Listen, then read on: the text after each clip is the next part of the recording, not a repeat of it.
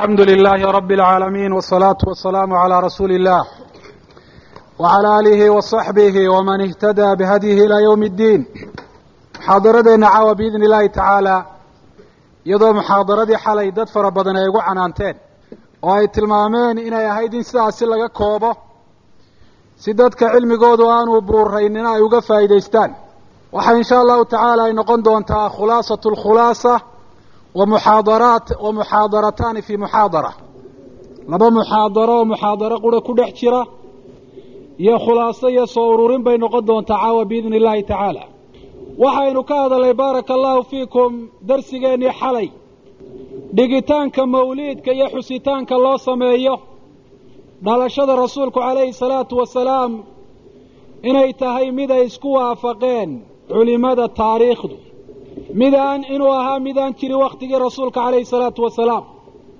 iyo wakhtigii saddexdii qarni ee fadliga badnaa oo ay la soo darriyeen markii horraysay niman la odhan jiray alcubaydiyuun oo si been abuurada ugu abtirsaday caliyu bin abi aalib radia allahu canh qarnigii afraad taariikhdu markay ahayd. Miqrizi baa sheegay baynu nidhi oo qalashqandi baa sheegay oo muftigii masar baa sheegay oo cali maxfuudkii ashariga ahaabaa sidaa tilmaamay. Waxaynu sheegnay nimankaasi cubaydiyiintu inay ahaayeen niman culimmadii islaamka ee wakhtigooda joogtay ay isku waafaqeen inay ahaayeen niman gaalo ah oo mulxiduuna zanaadiqa ah. Islaamkana dhibaato weyn u geystay. Culimmadii baqhdaad culamaau alciraaq iyo culamaau alxaramayn ayaa sidaa bayaanaad nimankaasi ay ka soo saareen ku caddeeyey sida ibnu kathiir raxmatullaahi calayhi albidaaya waannihaaya uu kaga warramay. Ilaahnimay sheegteen naaro ayay samaysteen jahannamo ay u bixiyeenoo dadka ay ku cadaabaan. Munajimiin bay ahaayeen saxara ah oo xidigeeyaalah xidigiska iyo kafaalinta xidigaha ku dheereeya. Qaarkood waxay yidhaahdeen wakhtigaa kadib baaba mawliidka la bilaabay oo qarnigii toddobaad baa ninkii boqorka ahay almeliku almudafar la odhan jiray ee irbil magaalada la yidhaahdo arbil oo ku taalla ciraaq oo mawsil u dhow uu bilaabay. Waxaase aynu tilmaannay in isaga looga horreeyo nimankaasi ay uga horreeyeen. Bidacadii nimankaasu ay bilaabeenuun inay isaga waxa weeyaan soo gaadhay. Waxaynu tilmaannay baaraka allahu fiikum in laysku waafaqsan yahay oo aan laysku khilaafsanayn in mawliid la dhigoo la xuso wakhtigii rasuulku uu dhashay calayhi salaatu wasalaam inay bidco tahay. Laa nisaaca fii annaha min albidac inama annisaacu fii xusnihaa wa qubxihaa buu ihi cali maxfuud. Oo culimmada ashar ka mid ihi waxaynu tilmaannay qolooyin fara badan oo ka mida kuwa markaa xuska noocaasiya sameeya inay qireen inuu yahay bidco ka dambaysay rasuulka calayhi salaatu wasalaam oo ka dambaysay saxaabada ridwaanullaahi calayhim oo taabiciinta iyo atbaacdoodaba ka dambaysay oo a'immatul arbacana aanay soo gaadhin shaygu mar hadduu sidaasi yahay shay rasuulka calayhi salaatu wasalaam ka dambeeyey oo saxaabadii ka dambeeyey diinna laga dhigaya oo la leeyahay ilaahay baa loogu dhowaanayaa subxaana wa tacaala. Inuu magaca diinta islaamka uu ku leeyahay uu yahay bidco diintana aan lagu dari karin in laga anfiyo laga durkiyana ay tahay ayaynu tilmaannay. Ilaahay baa yidhi alyawma akmaltu lakum diinakum wa atmamtu calaykum nicmatii wa raditu lakum alislaama diina. Maantaan diintii idiin dhammaystiray buu leeyahy rabbi tabaaraka wa tacaala maalintaasi diintu ay dhammaystirantay mawliidku muu jirin waana laysku waafaqsan yahay inaanu jirin. Idan diintu waa buuro garowdo waa dhammaystiranta iyadoo mawliidku aanu ka mid ahayn. Markaa meel bannaani ma jirto ama nuqsaan iyo kala dhantaallaan diintu ay leedahay oo mawliidka lagu buuxiyaa weelka haddii caana lagu shubo amabase biyo oo la buuxiyo. Waxa kale lagu dul shubaa miyuu qabanayaa? Soo ka daadan maayown miyaa waxaa weelka ku jira uu ka mid noqon karaa waa maya. Sidaasoo kale diinta oo buuxsantoo buura garowday baa lagu soo daray mawliidka. Diinta markaa kama mid noqon karo waxaa imaamu maalik raxmatullaahi calayhi uu yidhi aayaddaa qur'aanka isaga oo deliishanaaya waxa uu leeyahy raxmatullaahi calayhi famaa lam yakun yowmaidin diina falan yakuuna alyawma diina. Man ibtadaca bidcatan yaraaha xasana faqad zacama ana muxamadan khana arisaala qofka bidco la yimaada uu sheeganaya inay wanaagsan tahay xaqiiqahan wuxuu sheegtay nebi maxamed inuu fariintii kala khiyaameeyey.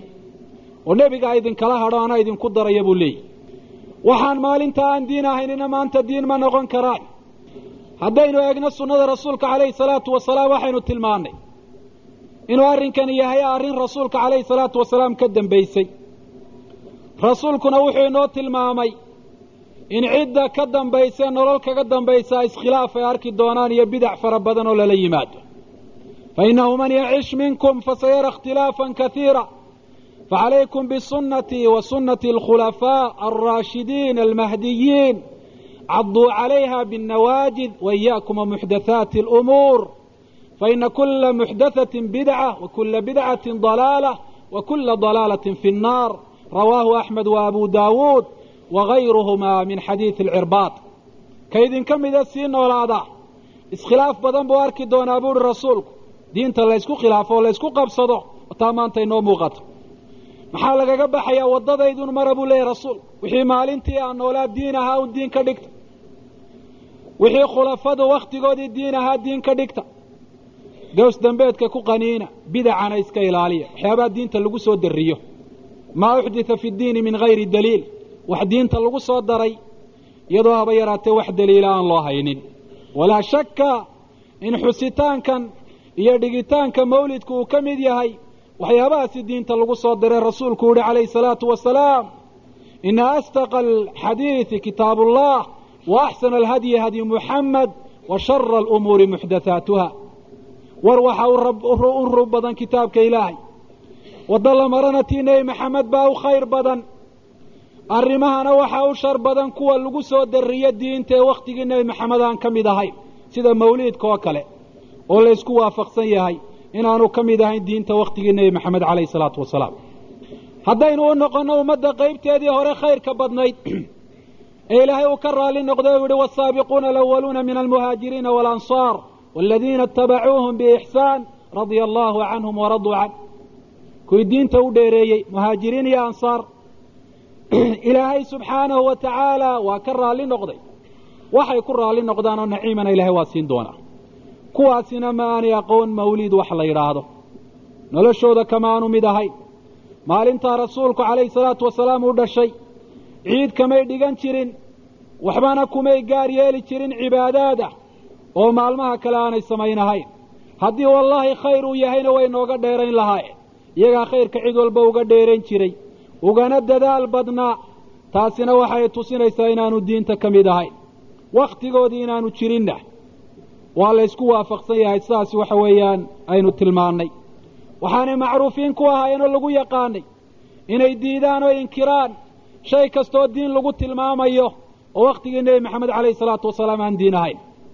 Culimmada islaamku sida aynu tilmaannay laga bilaabo maalintii mawliidkaasi la bilaabay ilaa yowmina haada. Waa inkirayeen oo waa diidayeen. Kutub iyo mu'alafaad bay ka qoreen muxaadaraad bay ka jeediyeen abuu xafs taajiddiin alfaakihaani raxmatullaahi calayh oo qarnigii waxa weeyaan toddobaad culimmadii soo gaadhay ka mid ahaa kitaab buu ka qoray uu leeyahay mawliidku asalkuma laha kitaabka iyo sunnada toona. Culimmada ummadduna waxay la yimaadeen maaha ee lagu dayan karaa waa bidcatun axdathaha albataaluun wa shahwatu nafsin iqtanaa biha alakkaaluun waxaanu tilmaamay inaan la odhan karin waa waajib oo laysku waafaqsay inaanu waajib ahayn sunnana aan lagu tilmaami karin. Mubaaxna aanu ahayn maadaama bidca uu yahay xaaraan uu yahay. Bidcatun makruuha aw bidcatun muxarama culimo badan oo ka dambaysa baynu tilmaannay inay risaaladiisa ama fatwadiisa ay ictimaadeen. Oo ay yidhaahdeen waxaa mawliidka la ydhaha in la dhigaa sharci ma aha alcadawi almaaliki baa ka mid ahaa iyo maxamed ibnu cali asheekhi la odhan jiray. Waxaa saas oo kale bidco ku tilmaamay ibnu lxaaj fii kitaabi almadkhal shaykhu lislaam ibnu taymiya raximah llah dhahiir ddiin jacfar maxamed cabdisalaam khadar ashuqayri ayma aad iyo aad u fara badan baa inuu bidco yahay tilmaantay waxaanay u cuskadeen inuu bidco yahay inaanu kitaabka ilaahay ku sugnayn sunnada rasuulkana aanu ku sugnayn camalkii salafkana aanu waafaqsanayn. Khulaasada ama soo ururinta muxaadaradii xalay intaasay ahayd baan u malaynaya. Darsigeenna cusube caawa. Bal waxaynu ku bilaabaynaa inaynu tilmaanno arrimo fara badan oo tusinaya mawlid in la dhigo ama maalintaa xus in loo sameeyaa inay tahay bidco. Arrimaha waxa u horreeya ilaahay subxaana wa tacaala kitaabkiisa kuma xusin dhalashada rasuulka calayhi salaatu wasalaam. Addoomahana uguma manno sheegan. Ilaahay wuxuu ku xusay kitaabka maalintii rasuulka la soo diray. Taasaanu ilaahay addoomaha ugu manno sheegtay. Waxaa rabbi tabaaraka wa tacaala uu yidhi kamaa arsalnaa fiikum rasuula minkum yatluu calaykum aayaatina wayuzakiikum wayucallimukum alkitaaba waalxikma wayucallimukum maa lam takunuu taclamuun faadkuruunii adkurkum washkuruu lii walaa takfuruun waxaa rabbi uu leeyahy rasuul idinka idinka midaan idiin soo diray ilaahay addoomihiisi uu manno sheeganaya aayaadkii qur'aankaha buu idinku akhriyayaa yuzakiikum wixii xumaan oo dhan buu idinka dahiraya kitaabkuu idin baraya sunnaduu idin baraya waxaydaan aqoonin buu idin barayaa faadkuruunii adkurkum ilaahay nicmada uga mahadnaqa. Oo rabbi xusa subxaana wa tacaala washkuruu lii walaa takfuruun. Ii mahadnaqoo nicmadaa ha aasina. Oo ha ka gaaloobina buu leeyahy rabbi tabaaraka wa tacaala. Ilaahay markaa soo diritaanka rasuulka iyo bicadiisa ayaa wuxuu ka dhigay acdama mina imtana biha calaa cibaadi. Haddii dhalashadiisu ay tahay shay waxa weeyaan xus mudan. Ilaahay subxaana wa tacaala saasoo kale ayaa u xusi lahaa oo u sheegi lahaa. La yaab bay leeyihiin wallaahi kuwa mawliidka dhigaya. Maalintii rasuulka calayhi salaatu wasalaam la soo diray malaku jibriil waxyiga u keenay maxay u xusi waayeen? Oo maalin weyna nicmada u weyna ilaahay subxaana wa tacaala ummaddan uu siiyey sida kitaabka qur'aanka uu caddeeyey. Mise arrinta noocaasi waxay tahay gaabin ay ka gaabiyeen xaqii diinta oo waxay daliil u tahay rasuulka inaanay jeclayn calayhi salaatu wasalaam. Masale kale iyaduna waxay tahay waxaynu ognahay walaalayaal maalmaha waxa weeyaan fadliga leh cibaadaad gaarana la waajibiyey ama la sunneeyey. Islaamku way xadid wuu xadiday maalmahaasina may lumine waa la xifdiyey. Saxaabaduna ridwaanullaahi calayhim way ilaaliyeen. Sida maalmaha ciidda oo kale. Haddii maalinta dhalashada rasuulku ay tahay maalin ciida oo in la xusaa diinta ay ka mid tahay may lunteen maalintaasiyo waa la ilaalin lahaa waa la xifdiyi lahaa. Laakiin waxaa laysku waafaqay sida hore aynu u tilmaannay. Inaan laysku waafaqsanayn bishii rasuulku uu dhashay. Qole waxay yidhaahdeen ramadaan buu dhashay qolana rabiiculawal qolada yidhi rabiiculawal buu dhashay. Iskumay waafaqin maalintii uu ka dhashay rasuulku calayhi salaatu wasalaam. Qaar waxay yidhahdeen mucayan maba ahba maalin la garanayo maba ahaba qastalaani baa ka mid ah qowlkaa cidda soo rartay fii kitaabi almawaahib. Qaar waxay ku tilmaameen sideedda rabiiculawal qaarna tobankeeda qaar labiyo tobanka qaar toddobiyo tobanka qaar siddeed iyo tobanka. Marka haddii a waxaa taana culimmadu ay u deliishadeen inaanay maalintaasi ahayn maalin islaamka dhexdiisa ku leh xus gooniya haddii ay ku leedahayna may lunteena waa la xifdiyi lahaa waa la ilaalin lahaa. Khilaafka noocaasi maaha midaynu inagu samaysanay sheegistiisa culimada taariikhdaa sheegtay. Ibnu kaiir eeg albidaaya wanihaaya dhalashadii rasuulka maruu ka warramaya waxaad eegtaa adahabi fii siyari aclaami nubala. Waxaad eegtaa alqastalaani fi lmawaahibi alladuniya. Dhammaantoodba khilaafkay sheegayaan. Masale kale iyaduna waxa ay tahay oo in halkan lagu sheego mudan waxyaabaha marna kaa qoslinayo marna kaa oohinayo waxaa ka mid a bisha ay yidhaahdeen rasuulku uu dhashay oo markaa in la xusay mudan tahay oo diintay ka mid tahay in la xuso. Inay culimmada taariikhdu sheegeen inay tahay bishii rasuulku uu dhintay calayhi salaatu wasalaam. Marka waa cajabe talowma in la farxaabaa mudan bishaa gudaheeda mise in la murugoodo. Uma dhalashada rasuulka bishaa dhacday baa lagu farxayaa mise dhimashadiisoo bishaasi dhacday baa laga murugoonaya? Bal iyagaa la weydiinaya labadaa ta mudan maxay ku doorteen farxadda oy u murugoon waayeen talow taajuddiin alfaakihaani wuxuu leeyahy hada maca ana ashahra aladii wulida fiih wa huwa rabiicu alawal huwa bicaynihi ashahru aladii tuwufiya fiih falaysa alfaraxu awlaa min alxusni fiih bisha uu dhashay rasuulkii ay sheegayaan waa tii uu dhintay buu leeyahy markaa in la farxaa kama mudna de in la murugoodo waa min baabi alilzaam waxaa la leeyahy haddaad leediin dhalashadii rasuulkaan u farxaynaa oo dhimashadiisana maxaad ugu murugoon weydeen ood mawlid ugu dhigi weydeen iyadana ibnulxaaj baa isaguna sidaa tilmaamaya. Waxa uu leeyahay farxadda iyo suruurka iyo raashinka iyo goolalkaa la qalanayo ayay doorteenoo way iska diideen inay dhimashadii rasuulka u murugoodaan calayhi salaatu wasalaam. Hadday murugoon lahaayeen lafteedu ma sunnay noqon lahayd lafteeduna bidcay noqon lahayd buu leeyahy waayo rasuulku calayhi salaatu wasalaam maalintaasi ma aanu xusin uu dhashay saxaabaduna maalintaasi uu dhintay ma aanay xusin umana aanay murugoonin waxaan la yidhaahdaa mawliidka waxa ay ka dhigteen qolooyinkan sameeyaa ciid. Inay ciid ka dhigteenna iyaga ayaa caddeeyey. Oo qطbu diin alxanafi wuxuu yidhi wakayfa laa yajcaluunahu ciidan min akbari acyaadihim? Oo sidee baanay muslimiintu uga dhiganahayn dhalashada rasuulka ciid ka mida ciidahooda ta u weyn. Sakhaawi baa isaguna saasi caddaynaya. Ciid bay ka dhigteen sidaa awgeed bay yidhahdeen lama soomi karo maalintii rasuulku uu dhashay. Waa wax lala yaabee rasuulkuna wuu soomay iyaguna waxa lama soomi karo. Sida aynu tilmaami doonno insha allahu tacaala shubahaadkooda markaaynu ka jawaabayno ciidda waxaa la yidhahdana waa tashriic oo maalin in ciid lagu tilmaamaa. Haddaan daliilloo haynin khalad bay noqonaysaa. Oo maalinta islaam islaamku uu ciid ka dhigay maalintaasi ayuunbaa ciid laga dhigan karaa. Si awgeed baa rasuulku calayhi salaatu wasalaam markuu madiine yimi ansaar wuxuu yimi iyagoo le laba maalmood oo ciid aho ay ciyaaraan markaasaa rasuulku wuxuu yihi faqad abdalakum allahu bikhayrin minhumaa ilaahay wuxuu idinku bedelay kuwa ka khayr badan ciid ulfitr iyo ciid uladxa marka haddii mawliidkuna uu ciid saddexaad yahay rasuulku waa ku dari lahaa oo wuxuu odhan lahaa wa ciid ulmawlid ayaa iyaduna ka mida ciidaha laydinku bedelay waxa a'immadu ay tilmaameen qofka maalin ciid ku tilmaama waxa uu sameeyey inay tahay sharciyeyn. Haddaanu daliilu hayninna uu khaldan yahay ibnu rajab baa ka mida culimmadaasaa sheegtay kitaabkiisa fatxulbaariga la ydhaaba ku tilmaamay.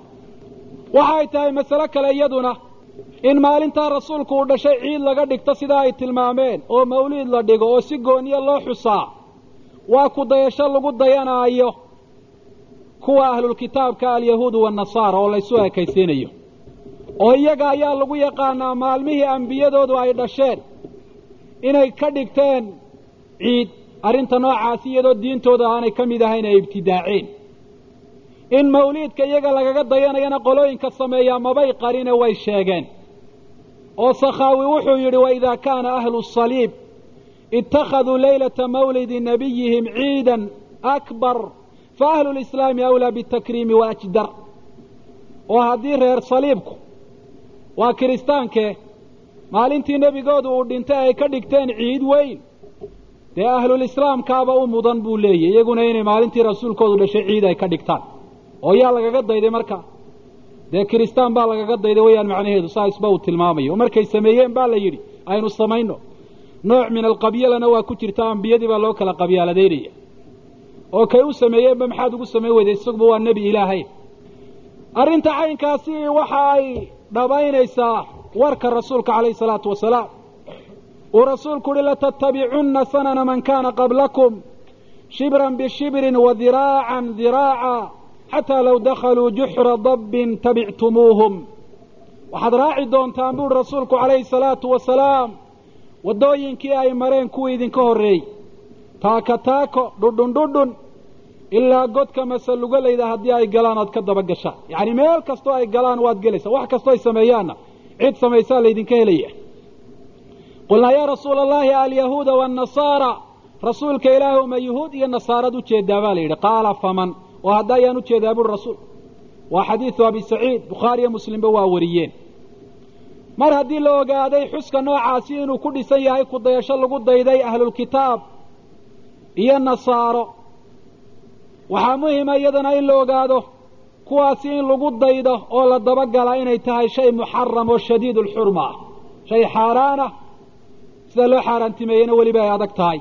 Liqowli nabiyi calayhi salaatu wasalaam man tashabbaha biqowmin fa huwa minhum. Qofka qoom isu ekaysiiya ee wax kaga dayda iyaga ayaa uu ka mid yahay buu yihi rasuulku calayhi salaatu wasalaam imaamu axmed baa wariyay abu daawuud bisanadi صaxiix waqad ixtaja imaamu axmed bihada alxadiid. Xadiidkuna calaa aqali axwaalihi waxa uu tusinayaa in atashabuhu bihim uu yahay xaaraan haddaanu xaaladaha qaarkood kufriya gaalnimo aanu gaadhinba waxaa weliba intaasi raaca oo dheer in mawliidka waxaan la idhaahdaa wato munkaraad fara badan munkaraadkaasi oo tusinaya inaanu sharci ahayn oo xataa markii ay arkeen culimmadii markii hore yidhi qaarkood waa la xusi karaa rabbi ay yidhahdeen sidan looma xusi karo oo dad baa moodaya culimmadii xalay aynu tilmaamayna ynu lahayn muxtafiliintay ka mid yihiin in ixtifaalkoodu waxaanu ahaa iminka la sameeyo. Waxaan mu ahayn waanay diideen. Ibnu xajar ilhaytami waxa uu tilmaamay xuska caynkan oo kale ah ee wata heesaha iyo raqsiga iyo jaaska iyo rag iyo dumar isdhex gala iyo rasuul calayhi salaatu wasalaam la baryayo inuu yahay xaaraan. Ibnu xajar laftiisu waa sidaa a'immadaasi waxa weya waxaan ma ogolayn maanta la samaynayo waxaan la yidhaahdo mawluud mawliidka munkaraadkiisa waxaa ka mid ah alictiqaadu biana laylata almawlid afdalu min laylati alqadr.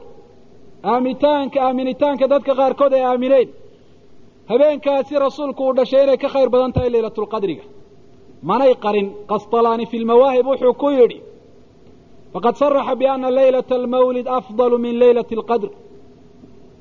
Layladka laylada mawliidka la sameeyaa inay ka khayr badan tahay laylatulqadriga ayuu tilmaamay. Qaar baa ka yaabay cali lqaari uu ka mid yahay oo yidhi sideebuu sheekhu talow wax leeyahay? Habeenka laylatulqadriga fadligeeda kitaabkaa lagu sheegay oo sunnadaa lagu sheegay. Habeenkan mawliidkana fadli uu leeyahay lamaba xusinba kitaabkuna ma sheegin sunnaduna may sheegin. Sideebaa kii kitaabka iyo sunnaduba fadligu ay u sheegeen? Uu noqday miduu ka fadli badan yahay mid kitaab iyo sunnatoona aanay tilmaamin inuu fadli uu leeyahay. Waxaa ka mida markaa munkaraadkiisa sidaasoo kale huluwiga lagu sameeyey xadgudubka lagu sameeyey nashiidooyinkan la tiriyo habeenka caynkaasi ee la akhriyo ee mawliidka loo yaqaano. Hoobal u fiirsa qalyuubi wuxuu leeyahay kitaabkiisa faydulwahaab la yidhaahdo isagoo waxa weeyaan ka soo raraaya bacdu nnaas hadalkaasi u nisbaynaya. Waxa uu ku leeyahy ma jiro qof mawliidka ku akhriyo milix?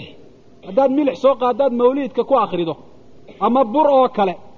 Ama shay kale cuntooyinka ka mid a barakuu shaygaasi yeelanayaa buu yidhi.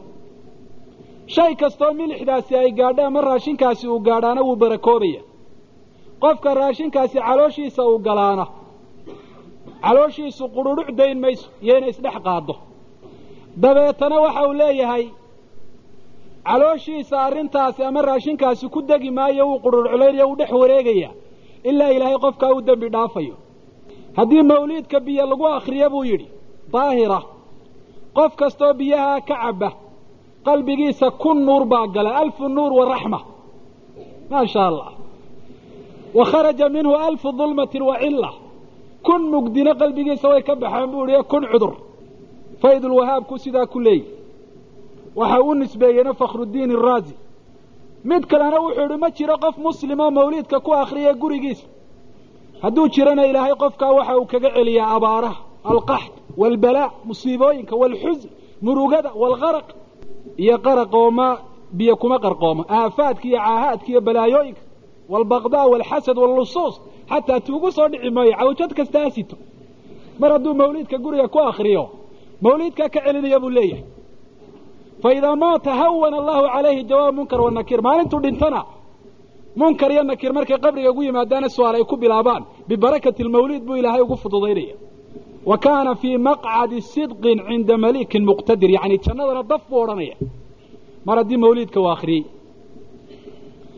arrinta noocaasi dadkeenna kama madhna oo dadka qaarkood sidii loo qadisaayey qasiidooyinka noocaasiya ayaa qur'aanka qasiidooyinkaasi iskaga khaldame waxaan filaya inay lix iyo sagaashankii ahayd ayaan gaadhi raaceen oo hargeyse ka safraaya. Nin sigaar cabayaan war sigaarka naga bakti wuxuu idhi waar wadaadadow baalkan sigaarka la idhaha horta idinka ma burdaa laydinkaga akriye markaasa waxa o burduhu waa maxay? Dee burdu waa qur'aan buu yidhi. Inaanu qur'aanka ahayn. Dee waxa sida loogu barakoobaya ee jannada lagu gelayaa wax qur'aan ka sokeeya inaanu ahayn bay dadku u fahmeen dadku sidaa awgeed ma ogola markay ducaysanayaan in qur'aan loo akriyo kaa yeeli maayaan mawlidka noo akri bay ayay odhanayaan. Axadulikhwa la idhaahda abu cabdillaahi oo kitaabkan alfiyaha noo dhigi jiray. Ayaa maalintu kitaabka alfiyaha ibnu maalik noo bilaabayey ayaa wuxuu noo sheegay qiso cajiiba wuxuu yidhi masaajidkan jaamicee hargeysaanu xero ka ahayn buu yidhi. Dabeetana annaga iyo nin kale oo ay nagu xiinsan tahay oo xerow dee halkaa isaga gaajaysana ayaa islaani noo yeedho ay tihi war waan ducaysanaya kaale oo i akhriya mawliidka. Aa qur'aan aanu ku akrinay mawliidka iska daa. Mawliidna garan mayna uhi markaa naxwuhun baanu eryanaayo sarfiga. Waxay tidhi may qur'aanka iga daayo mawliidka i akhriya. Suuratu tabaarak baanu akrinay buu yidhi oo aan uga dhigayno mawliid. Qaabkii mawliidka aan ugu akriyayno markaasay sidaa ku istareexday. Waxa uu leeyahay sidaasoo kale ama sheekhaasi uu noo sheegay. Halkan aan ka tegey buu yidhi oo waddankiisii ama meeshii deegaankiisu ahaa buu tegey saa la yidhi inankii oo sheekh soo noqday oo soo aflaxay baa yimi. Caawa ducaha la sameeyo. Mawliidka ha akriya ma mawliid baan garanaya bu hi alfiyu baan dhiganayey dabeetana ile mawliid garan maayo ma odhan karee alfiyatu ibnu malik baan dabada u qabtay bu ihi qosolka inaga yaraya baaraka allahu fiikum. Oo aan mawliid uga dhigay. Markaa taasi waxa ay tusinaysaa yacni dadka markii sidan loogu sheegay mawliidka inay qur'aanba moodeen ama qur'aankii waxa weeyaan ay ka fadileen waxaa kaloo ka mida mafaasidiisa iyo munkaraadkiisa inuu koobsanaayo madaa'ixda iyo qasaa'idkaasi la tiriyaa munkaraad waaweyn oy ka mid tahay in rasuulka calayhi salaatu wasalaam quluw iyo xadgudub lagu sameeyey oo ilaahay sokadii subxaana wa tacaala la baryey. Saaxibulburda wuxuu yidhi isagoo rasuulka calayhi salaatu wasalaam ka hadlaaya wakayfa tadcuu ila addunyaa daruuratun man lowlaahu lam takhruj iddunya ila alcadam waxa uu tilmaamaya beytka uu ku tilmaamaya haddaanu rasuulku jiri lahayn adduunyaduba inaanay jirteen. Dac maddacathu nasaara fii nabiyihimu waxkum bimaa shi'ta madxan fiihi waxtakib. Wixii nasaara nebigooda ay ku yidhaahdeen rasuulkaa ku odhan buu leeyay waa ilaahun ha odhanin laakiin wax kastoo kale ku dhex. Adduunyada isagaa liyo wax kasta isagaa bixin kara. Waxa uu leeyahay saasoo kale maa saamani dahra maa saamani dahru dayman wastajartu bihi ilaa waniltu jiwaaran minhu lam yudami haddii dahriga ama waktigu dhibaato uu itaabsiyo buu leeyahy rasuulka aan magan galo waxaa rasuulka calayhi salaatu wasalaam aan ka helaa buu leeyahy magangelin ama magangelyo cajiiba baan ka helaa walaltamastu gina daarayni min yadihi ila stalamtu nadaa min khayri mustalimi wuxuu leeyahay haddaan labada daarood adduun iyo aakhiro qaninimadooda iyo hodantinimadooda aan doonana oo rasuulka calayhi salaatu wasalaam aan ka doonana waan ka helaya. Manaa adduunya aakhiraba rasuulka ay siin kara in lam takun fii macaadi aakhidan biyadi fadlan wailaa faqul yaa zallata alqadami. Rasuulow haddaanad qiyaama i gargaarin waa halaagsamayaa weeyi.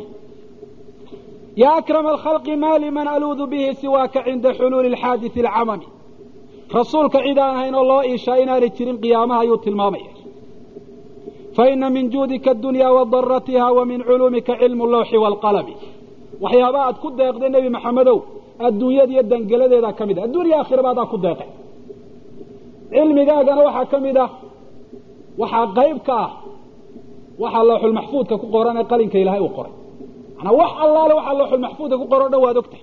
Waa qayb cilmigaaga ka mid a min waa litabciid wey muxuu reebay ilaahay subxaana wa tacaala markuu yihi adduuniya aakhiraba rasuulkaa ku deeqay.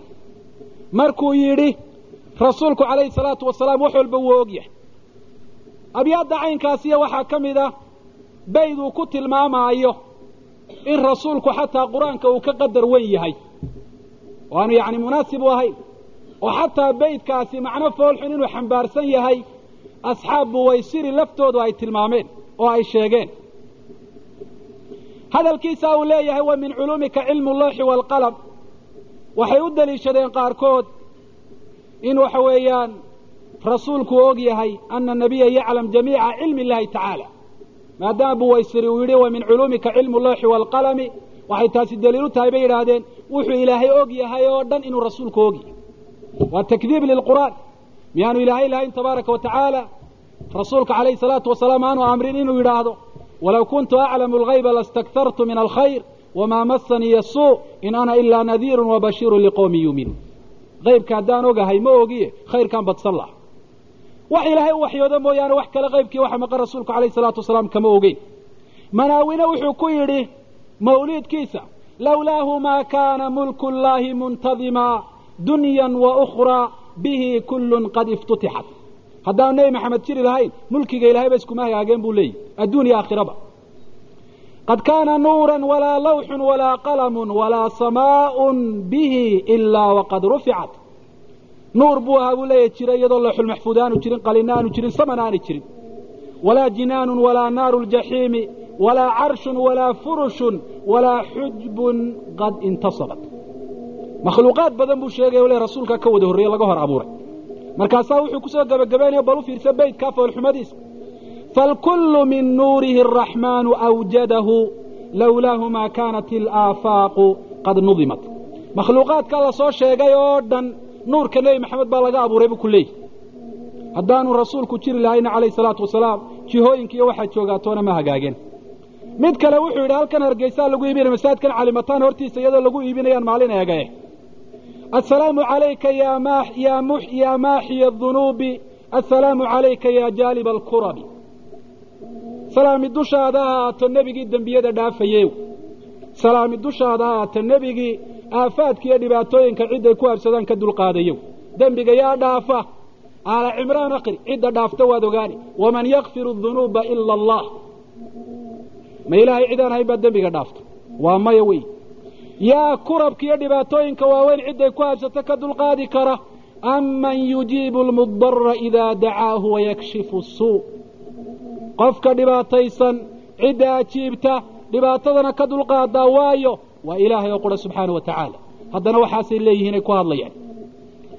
Qasaa'idka noocaasi ah mafaasidda ay wataa waxaa ka mida waxay koobsanayaan. Axaadiid aad iyo aad u fara badan oo mawduuc oo makduuba cala anabiyi calayhi salaatu wasalaam la dejiyey oo rasuulka calayhi salaatu wasalaam lagu been abuurtay sidaa awgeed baa wuxuu leeyahy sheekh maxamed rashiid rida fii fataawiih lam naطalic calىa qisaة min qisasi اlmawlid الnabowi الshariif ilaa wara'aynaa fiiha kaiira min alakhbaari اlmawduuca ma anaan daalacan buu leeyahy qiso ka mida qisaskaas ilaa waxaanu ku aragnay akhbaar mawduuca warar la dejiyo beena markaasaa wuxuu leeyay waqad agnaahu allahu tacaala bifadlihi alcadiim calayh can tacdiimi gayrihi bilkadibi fii siiratih ilaahay nebi maxamed waa ka qani yeelay fadliga weyne uu siiyey awgeed in lagu weyneeyo been lagu been abuurta rasuulka calayhi salaatu wasalaam siiradiisa xadiid kasta oo meel lagu sheegaana sax maaha waxaan sheekhan yari idaacadda uu ka daldalayo habeenadan ama maalmahan oo dhan mawduucaadka iyo makduubaadkaasi ayay u badan yihiin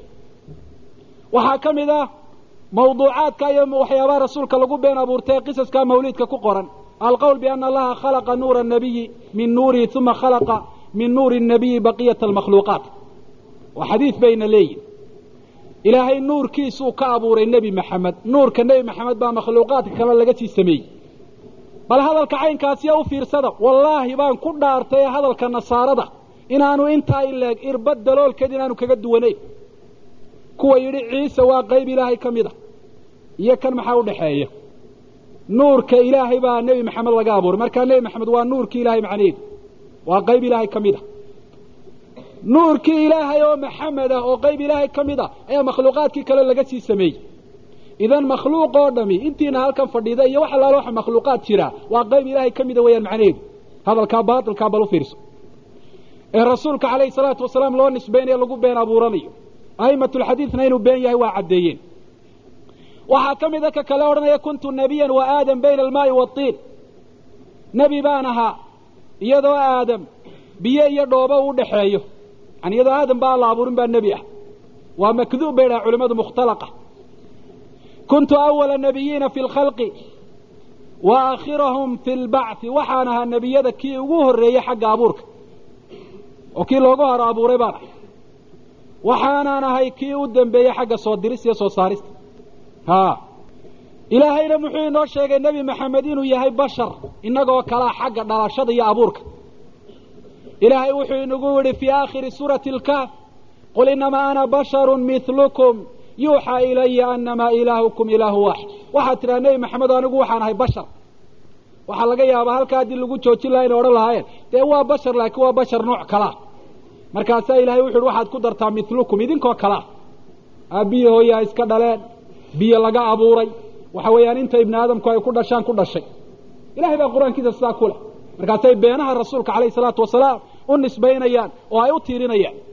Waxaa kaloo akaadiibta iyo beeraha mawlidka ku qoran ka mid ah inay leeyihiin markii xaawo la abuuray ee aadam uu arkay inay dhinac taagan tahay ayaa wuxuu ku hamiyey inuu u dhowaado dabeeta waxay tidhi waadba jooga horta meherkii keen ha iska soo socone dabeetana waxa uu yidhi yaa rabbi ma maada ucطiha rabbi o maxaan siiyaa?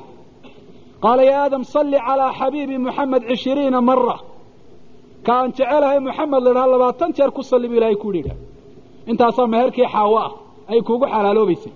Sidii buu sameeyey way xalaalowday waa kadibun mukhtalaq. Nebi maxamed alayh salaatu wasalaam aanu odhan walaa yasixu lahu sanad waxaa ka mid ah akaadiibta inay yidhaahdeen. Markii rasuulku calayhi salaatu wasalaam uu uur calool galay nataqat laylata alxamli bimuxammadin kullu daabbatin liquraysh allaale wixii qurayshi ay geel iyo lo iyo riyo iyo ida ay lahayd habeenkii rasuulku calool galay way hadleen bay yidhahdeen. Oo talow maxay ku hadleen?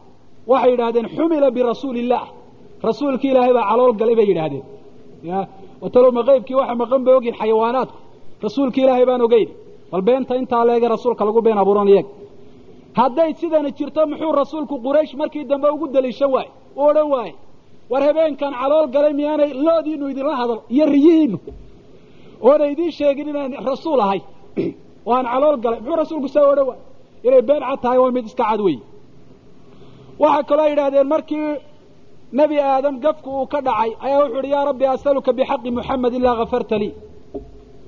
Ilaahay ow xaqa nebi maxamed baan kugu weydiisanaya inaad ii dembi dhaafto dabeetana ilaahay baa ku uhi oo maxamedka yaa kuu sheegay? Wuxuu ilaah markaad abuurtay baan xagga sare eegayoo halkaa carshiga iyaday ku qoran tahay baan arkay laa ilaha illaa muxamedun rasuulullah. Hadi waa min jumlati waxa weyan alakaadiib beenaha ayay ka mid tahay. Rasuulka alayh salatu wasalaam loo nisbeeyey. Ma soo koobi karo. Waxaa si fiican u ururiyey oo asaaniiddeeda taxqiijiyey oo naqdiyey oo a'immada ahlulxadiidka ka soo raray xukumkeeda sheekh ismaaciil alansaari raxmat ullaahi caleyh kitaabkiisa la dhaha alqowl alfasl. Bal u noqda cajaa'ib baad arki doontaane. Waxaa ka mida mukhaalafaadka mawlidku uu leeyahay ee ku jira. Markay meel marayaan bay istaagaan.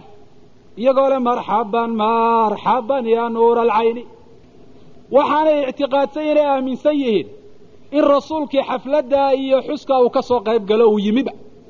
Iyo xadradaasi iyo waxaa meesha ka dhacaya ee la tirinayo. Arrinta noocaasiina waa munkar oo baatil weeye. Inay munkar baatila tahayna waxayna tusinaya ilaahay wuxuu tilmaamay subxaana wa tacaala isagoo la hadlaya nebi maxamed iyo ummaddiisaba marka ay dhintaan ilaa yawmi alqiyaama inaanay soo baxahayn. Uma inakum bacda dalika lamayituun uma inakum yawma alqiyaamati tubcathuun maalinta qiyaama baa laydin soo saaraya oad xabaalaha ka soo baxaysaan iyaguna waxay leey nebi maxamed baa xabaashii ka soo fuuray. Markuu mawliidkii maqlay. Ilaahay miyaanu odhan wa xaraamun calaa qaryatin ahlaknaaha anahum laa yarjicuun. Qolo dhimatay mamnuuc bay ka tahay inay dib u soo noqdaan. Xataa idaa futixat yaajuuju wamaajuuj ilaa la gaadhayo maalinta qiyaamuhu dhacayo ee yaajuuji wamaajuuji la soo daynayo. Miyaanu rasuulku odhan ana awalu man yanshaqu canhu alqabru yowma alqiyaama anu waxaan ahay qofka u horreeya ee qabrigu ka dilaacayo maalinta qiyaame. Iyadoo aayaadkii axaadiistaasiba ay tusinayaan rasuulku inaanu adduunyada dib ugu soo noqon ahayn ayay leeyihiin xadaradu nagala soo qayb galaayo markaasaanu isu taagnaa rasuulku markuu noolaabaana xataa saxaabadu isu taagi jirin oo rasuulku u diiday inay u kacaan. Markaasaa weliba waxa ay tilmaameen qaarkood inay sunno tahay in la istaaga. Oo ninka la yidhaahdo barzanjiga mawliidkaa soomaalidu waa akhristaana wuxuu leeyahy waqad sana ahlu lcilmi waalfadli wاltuqaa qiyaama cala alaqdaami maca xusni imcaanin bitashkhiisi dati lmustafa wahuwa xaadiru biأyi maqaamin fiihi yudkaru baldani waxay suneeyeen buu leeyahy ahlulcilmi iyo ahlulfadli iyo kuwa ilaahay ka baqda in lugaha lagu istaago si fiicanna waxa weeyaan wax loo dhugto waayo rasuulkiiba calayh salaatu wasalaam imanaya meel kastoo lagu xusayna waa imanaya waar maalintii maalintii saxaabada rasuulku ullaahi calayhim qadiyadda khilaafada ay isku haysteen qabriga rasuulku inteebuu u jiray talow kam kaana bayna asaxaaba wa qabri nabiyi calayhi salaatu wasalaam? Ee muhaajiriinna ay lahaayeen amiirku waa annaga. Ansaarina ay lahaayeen mina alamiir wa minkum alamiir. Muxuu qunyar u soo bixi waaye rasuulku. Uu odhan waayo waar abubakar baa amiire fadhiista? Hadduu qunyar uu qabriga ka soo baxayo oo mawliidka uso imise arrimo waaweyn oo rasuulka calayhi salaatu wasalaam loo baahnaa dhacay oo rasuulku calayhi salaatu wasalaam aanu iman. Markaasaa qaarkood waxa ay ka gaadhsiiyeen masalada inay yidhahdeen waaba gaalnima haddaad istaagi weydaba. Oo abu sacuud wuxuu leeyahy facadamu ficlihi yuujib cadama aliktiraati biاnnabiyi waimtihaanihi fayakunu kufran mukhaalifan liwujuubi tacdiimi. Inuu qofku istaaggaa samayn waayaa waxa ay keensanaysaa buu leeyahy inaanu rasuulka waxba ka soo qaadahayn oo uu yahaanaysanayo ila rasuulkii baa yimi buu ku leeyihi markaa gaalnimay noqonaysaa buu leeyahy oo waxa uu khilaafay weynayntii rasuulka calayh isalaatu wasalaam. Abaatiisha noocaasi oo dhami iyadoo ay ku jirto ayaa haddana ummadda diin looga dhigaya la leeyahy nebigaanu ku sallinaa ma nebigaad ku sallidaa mise waxaad tidhahdaa nebigaa abuuray? Nebigaa adduunya aakhiraba leh? Oo nebigaad qaninimada adduunya aakhiraba aad weydiisata salliga nebiga calayhi salaatu wasalaam ayaa dadka lagu khaldayaa wax kalaana la akhrinaya. Oo abaatiila sida aynu tilmaami doonno mafaasidiisa waxaa ka mid a inuu ummaddii kala tafriiqiyey. Bidcadana waxaa lagu yaqaanaa ummadda inay kala tafriiqiso. Albidcatu maqruuna bilfurqa. Bidco iyo kala tag ummaddu ay kala tagta iskhilaaftaa waa laba xidhiidhsan weeyaan. Macaasi fara badan baa la sameeya inta habeenka o dhan la xadreeyo ah uhda la guro. Oo durbaan la garaacda salaada subaxna laga seexda. Rag iyo dumar baa isdhex gala dumarkii oon xijaabnayn baa la soo saaraa mutabarijaad ah waa la heesaayo waa la raqsiyaa. Mataa kaana araqsu fii diinina cibaada. Inuu qofku isqalqaloociyo uu israxo uu jaasaa goormay cibaado noqotay diinteenna ka mid a. Asalkuma leh. Durbaankii dumarka unu bannaano wakhtiyada arooska iyo wakhtiyada ciidaha ayaa rag ay garaacdaan. Oy leeyihiin rasuul baanu ku xusaynaa. Mafaasidaasoo dhan buu leeyahay. Isagoo sidaasa haddana la doonay ummadda in diin looga dhigo sida aynu tilmaannay waa la qirtay inaanu diinta ka mid ahayn wakhtigii nebi maxamed calayhi salaatu wasalaam ee dabadii uu yimi. Haddana waxaa la ysku dayay bal in shubahaad loo sameeyo wax loo dhoobdhoobo. Bal kuwaasi ayaynu waxoogay ka tilmaamaynaa. Waxaa ka mid ah oo ay xujaysteen ay deliishadeen aayadda ilaahay uu leeyahay qul bifadli illaahi wa biraxmatih fabidalika falyafraxuu huwa khayru mima yajmacuun waxaad tidhaahdaa ilaahay fadligiisa iyo naxariistiisa ha ku farxaan taasaa ka khayr badan adduunyaday ururinayaane waxay leeyihiin fadliga ilaah iyo naxariista ilahay aayadda lagu sheegayaa waa mawliidka waa dhalashadii rasuulka. Su'aasha koowaadee la weydiinaya waxay tahay oo yaa sidaasi idinku yidhi. Ma rasuulka calayhi salaatu wasalaam fadligiiyo raxmada sidaa ku fasiray?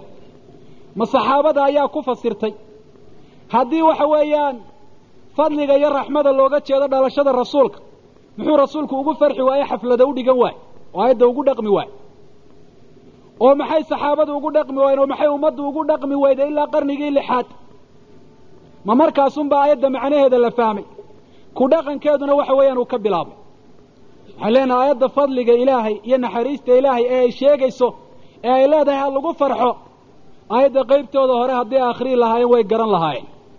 Oo ilaahay subxaana wa tacaala waxa aayaddaa qur'aankaa uu yidhi yaa ayuha annaasu qad jaa'atkum mawcidatun min rabbikum wa shifaaءun lima fi suduur wa hudan waraxmatun lilmuuminiin waana xagga ilahay idinka timi waxlaabaha iyo quluubta shaafiya idin yimi hanuun baa idin yimi oo naxariis baa idin timi muuminiintu ay helayaan waa qur'aankii yacni markaasaa ilahay wuxu uhi qul bifadli illahi wa biraxmatih fabidalika falyafraxuu huwa khayru mima yajmacuun idan fadliga ilahay naxariista le lagu farxa waa maxay ha lagu farxo waa maxay waa ka aayadda qaybteeda hore lagu sheegay. Waa qur'aankan munazalka ilahi subxana wa tacala uu soo dejiyey. Si awgeed baa saxaabada rasuulku ridwaan ullahi calayhim ay sidaas aayadda ku fasireen sida uu leeyahay ibnulqayim raxmat ullahi calayh. Ibnu jariir baa soo raraya aahaarta saxaabada aayadda fasiraysa iyo qurtubiba. Abu saciid alkhudri wuxuu yidhi fadlu llahi waa alqur'aan. Fadliga ilaahay lagu sheegay aayaddu waa qur'aanka. Waraxmatu an jacalakum min ahli. Naxariista ilahay laleeya ku farxana. Waa inuu ilaahay ahlulqur'aanka idinka dhigay. Kuwa qur'aanka rumaysane raacay ibnu cabbaas iyo kayrkiina waxay yidhaahdeen qofka aayad qur'aana ku fasira amaba se ugu dhaqma. Si aanay ku fasirin amaba se aanay ugu dhaqmin saxaabadu ridwaan ullahi calayhim tafsiirkiisu waa baatil. Waayo aayadda qaabkay ugu dhaqmeen iyo camalkoodii iyo qofkani qaabku ugu dhaqmay baa iska hor imanaya. Inay saxaabada ridwaan ullahi calayhim toodu ay sax noqoto ayaana ka mudan oo uga awlaysan oo uga dhow in qofkan dambe ee fahamkoodii camalkoodii mid ka duwan la yimi kiisu sax uu noqdo. Sa ogeed waxaynu leenahay ilaahay subxaana wa tacaala inamuu farin habeenka caynkaasiya in la farxo iyo in ixtifaal la sameeyo rasuulkuna inama farin manuu samayn ummaddana uguma yeedhi. Farxadda aayaddu ay tilmaamaysana noocay tahay waynu sheegay. Ta xataa haddii laga soo qaadaba bal waxaa la leeyaha lagu farxay inay tahay dhalashada rasuulka sideebaa loogu farxaya ma sidii saxaabadu ay ugu farxeen oo ah in la raaco rasuulka oo la rumeeyo oo lagu daydo oo diintiisii loo gargaaro oo bidaca la yska ilaaliyo. Mise in lala soo darriyo o lala yimaado arrimo cusub oon diinta ka mid ahayn waktigii rasuulka alayh isalaatu wasalaam. Sida loogu farxaya hadda waa siay saxaabadu ugu farxeen. Ee si ka duwan haddii loogu farxo khalad bay noqonaysa. Waxaa kaloo ay yidhaahdeen war mawlidku waa bidco ee buuqa badan naga daayo wadaadada yaryarow laakiin waxba ha farxina haddaan idhahno waa bidco waa bidca xasana. Waa bidco wanaagsan ayay yidhaahdeen. Waxaan leenahay taasi waa qirasho ay qirteen horta mawlidku inuu bidco yahay. Afkiina caana lagu qabay baynu leenahay. Mar haddaad tidhahdeen waa bidca ee inuu bidco yahay qiratee inay wanaagsan tahay maxaad ku garateen? Ma caqligaad ku garateen inay bidco wanaagsan tahay? Hadday idhahdeen caqligaynu ayaanu ku garannay. Dee waxaynu leenahay dee caqliga laguma garto shaygu inuu cibaado yahay inaanu cibaado ahayn oo shaygu inuu cibaado yahay waxaa lagu gartaa oo qura inuu ilaahay inoo sheego ama rasuulku inoo sheego. Haddii kalena waa am lahum shurakaa sharacuu lahu min addiini maa lam ya'dan bihi illah. Cid kale wax ku sharciyaysabay haddii kale ay noqonayso hadday idhahdaan sharcigaanu ku garan waxaan leenahay ayna sharc mee sharciga tusinaya. In arrintaasi tahay arrin wanaagsan oo qurux badan oo barakaysan oo la mahadiyo. Waxaa kaloo aynu leenahay halkee baad ka keenteen inay diinta ku jirto bidco wanaagsani iyadoo rasuulku uu tilmaamay inay kullu bidca tahay dalaala oo ay tahay sharu lumuur baadiyo inay tahay arrimaha kuwa u shar badanayd marduuda ay tahay u yihi man camila camalan laysa caleyh amruna fahuwa rad qofka camal qabta aan diinta ee daliil looga haynin waa lagu celin iyadoo rasuulku uu yidhi. Seebaad odhan kartaa waxaa jirta bidca xasana. Maxaad hadalka rasuulka calayhi salaatu wasalaam ee bidco dhan dalaalo uu ku tilmaamay? Aad kaga soo reebteen kuwan aad ku tilmaamaysaan in bidac qurux badan saa awgeed baa wuxuu leeyahay shaatibi raximahullah isagoo ka hadlaya qaybinta bidcada soo loo qaybiyey. Ina hada taqsiima amrun mukhtarac laa yadullu calayhi daliilun sharci qaybinta caynkaasi ee la idhaha bidca xasana iyo bidca sayi-a jirta. Waa qaybin la yska samaystay oo daliil sharciga aan lahayn. Iyada lafteeda ayaa bidcaa bay yidhahdeen a'immadu. Qofka idhaha bidca xasana ayaa jirtana waa qof diinta nuqsaan ku tuhmay weeye iyo inaanay dhammaystirmin. Oo le qayb wanaagsan oo diinta ka mid a ayaa wakhtigii rasuulka maqnayd oo iminka aan ku daraya. Kufaar baa u timi salmaan alfarisi oo markaasaa waxay ku yidhaahdeen laqad callamakum nabiyukum kullu shay. Nebigiina wax walba waa idin baray. Xata alkhiraa xataa sida loo xaajo gudanayo. Qaala ajal wuxuu yidhi haa muslim baa warinaya. War ma rasuulka calayhi salaatu wasalaam aan waxba ka tegina xataa ummadda baray qaabkay suuliga u geli lahayd siday uga soo bixi lahayd. Ayaa beri waaye haddii ay sharci tahay in habeenkuu dhashay ama maalintuu dhashay mawliid la dhigo oo la xuso. Hadday diinta ka mid tahay muxuu u beri waayey rasuulku alayh isalaatu wasalaam. Ta kale waxaynu leenahay bidcada wanaagsan iyo tan xunaad sheegaysaan maxaad ku kala soocdeen? Eed midna u tidhahaan way xunta midna u tidhahaan waad way wanaagsan tahay. Biayi miisaan miisaankeebaad saarteen. Bidaca oo dhami haddii miisaanka la saaro waa sayi'a waa dalaala waa shar waa marduuda haddii baabkaasi la furo oo la dhaha bidaca xasan iyo bidaca sayi'a jirtana nin waliba intuu wuxuu doono sameeyo inbuu qunyar iska odhanaya isagoon isdhibin. Waa bidca laakiin waa bidca xasana. Waxaa kaloo jawaab kale ay tahay waana muhima u fiirsada. Haddii samaynta mawlidka dhigitaankiisu uu yahay bidco wanaagsan talow bidcada wanaagsan muxuu uga tegay nebi maxamed calayhi salaatu wasalaam. Oo wanaaggeeda uu isu seejiyey. Maxay saxaabadu uga tageen oo maxay ummaddu uga tagtay ilaa muddo lix qarni iyo lix boqoloo sannadooda hadday wanaagsan tahay oy maxmuuda tahay oy barakaysan tahay oo ajar laga helayo oo aanay ummadda ugu sheegin oo ay uga qarinayeen. Miyaanay taasi ahayn daliil cad oo tusinaya inaanay xasano ahayn ay tahay sayi'a mid xun. Sa awgeed baa wuxuu leeyahy shaikhu lislaam kullu maa lam yasunnahu wala staxabahu rasuulu llah walaa axadu min haulaa aladiina yaqtadii bihim almuslimuuna fii diinihim.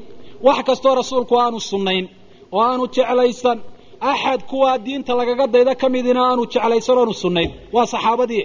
Fa inahu min albidaci almunkaraat bidaca shareecadu diiday buu ka mid yahay walaa yaquulu axadu fii mili hada inahu bidcatun xasana qofna xaq uma laha mana aha inuu yidhaahdo waa bidca xasana waxaa caynkaasoo kale ah hadalka noocan abaana ku dabaqmaya mawliidka tamaaman rasuulku ma sunnayn mana jeclaysan saxaabaduna saas oo kale waa min albidaci almunkaraat laguma tilmaami karo markaa bidca xasana waxaa kaloo ay yidhaahdeen saata imaamu muslim uu warinayo inuu rasuulku calayhi salaatu wasalaam maalinta isniinta uu soomi jiray.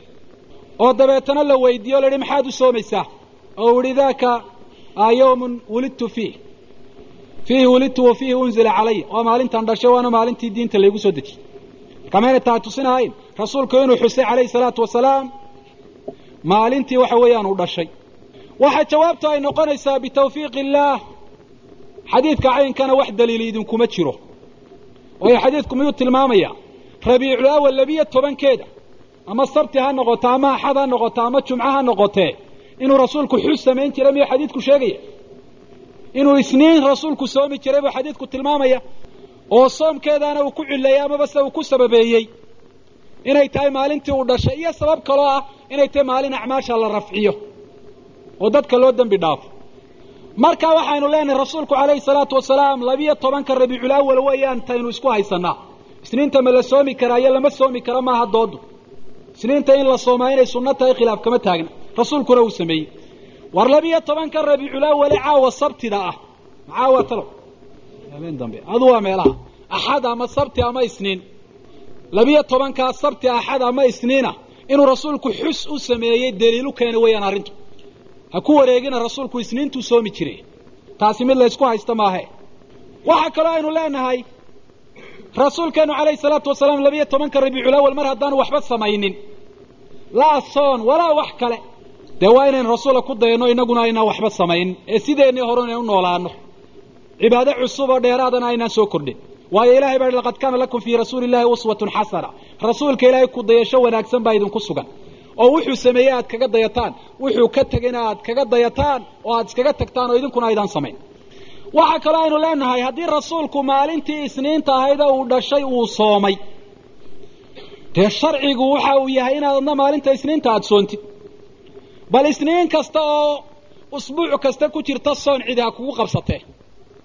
Oo ha ku tidhaahdo waa bidce.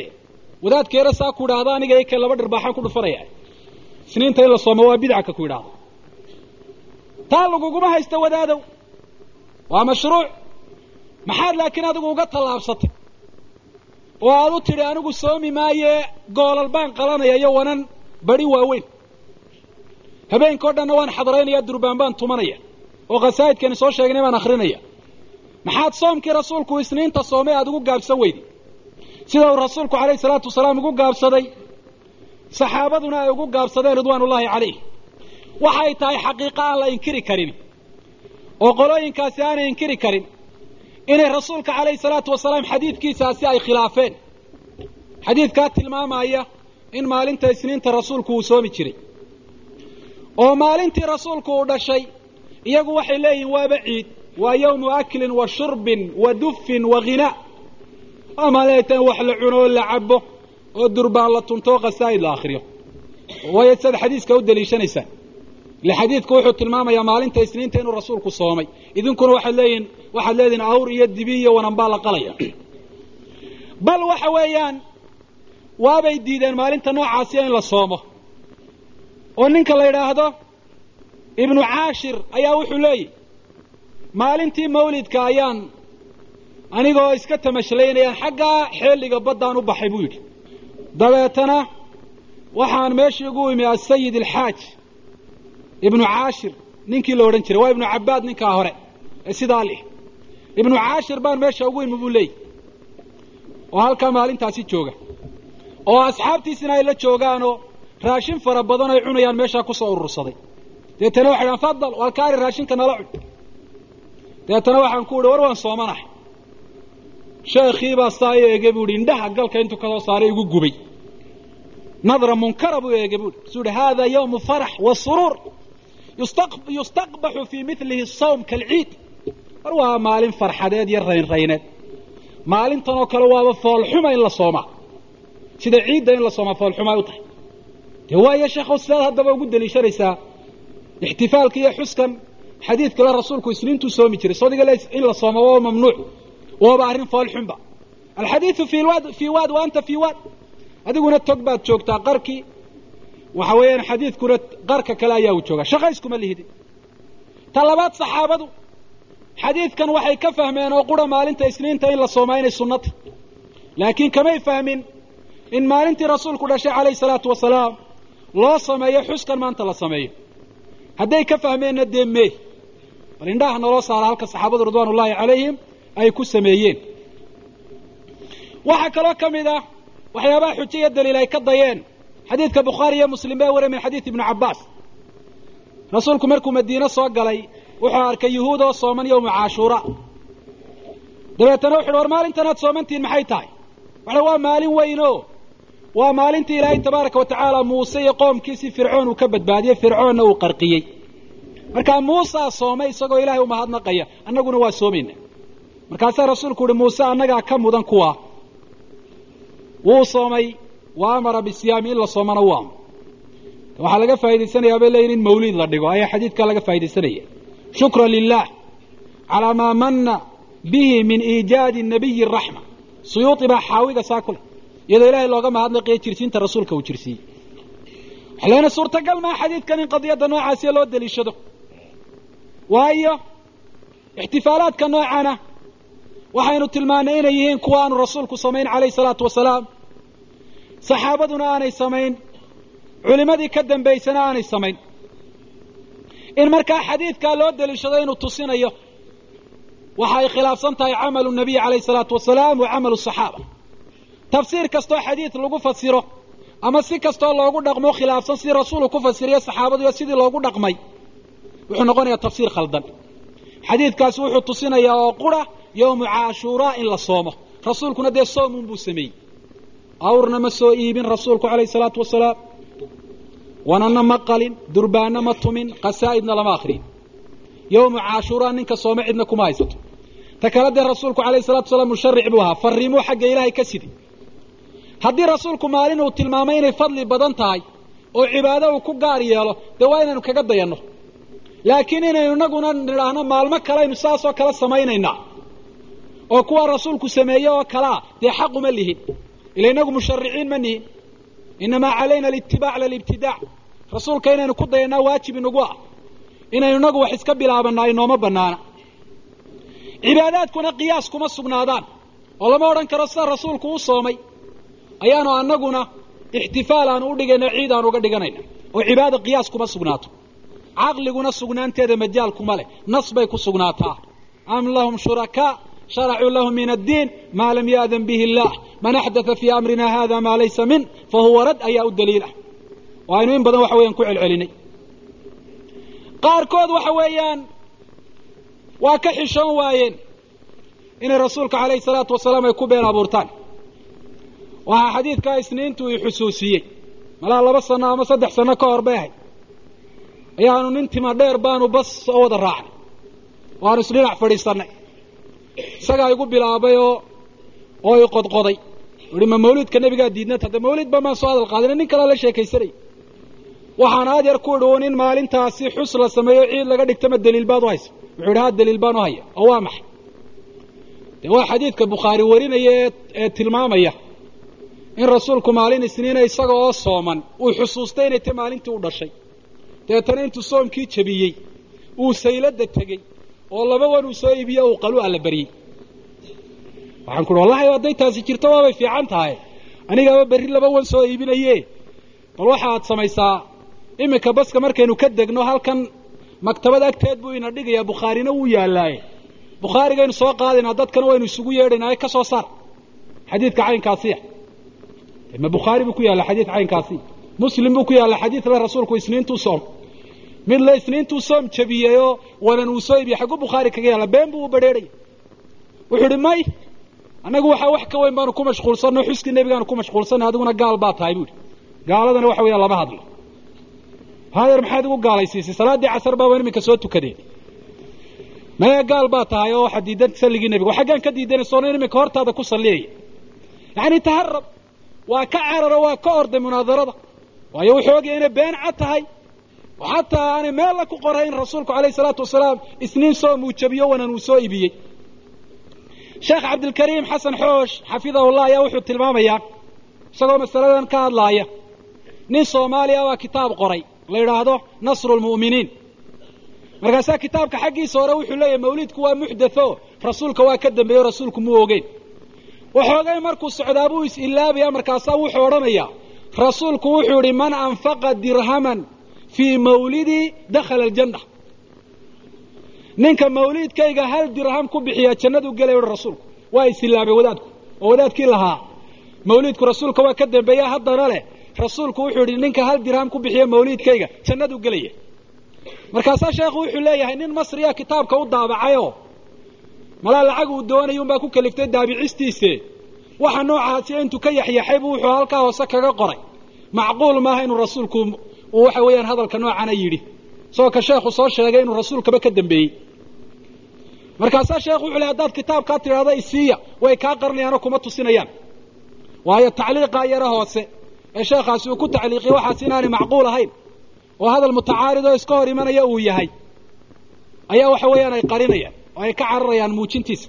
Waxa kaloo ay yidhaahdeen waar in mawliidka la dhigaa. Waxa uu tusinayaa maxabada rasuulka iyo weynayntiisa waxaynu leenahay rasuulka calayhi salaatu wasalaam in la jeclaadaa waa waajib in la weyneeyaana waa waajib.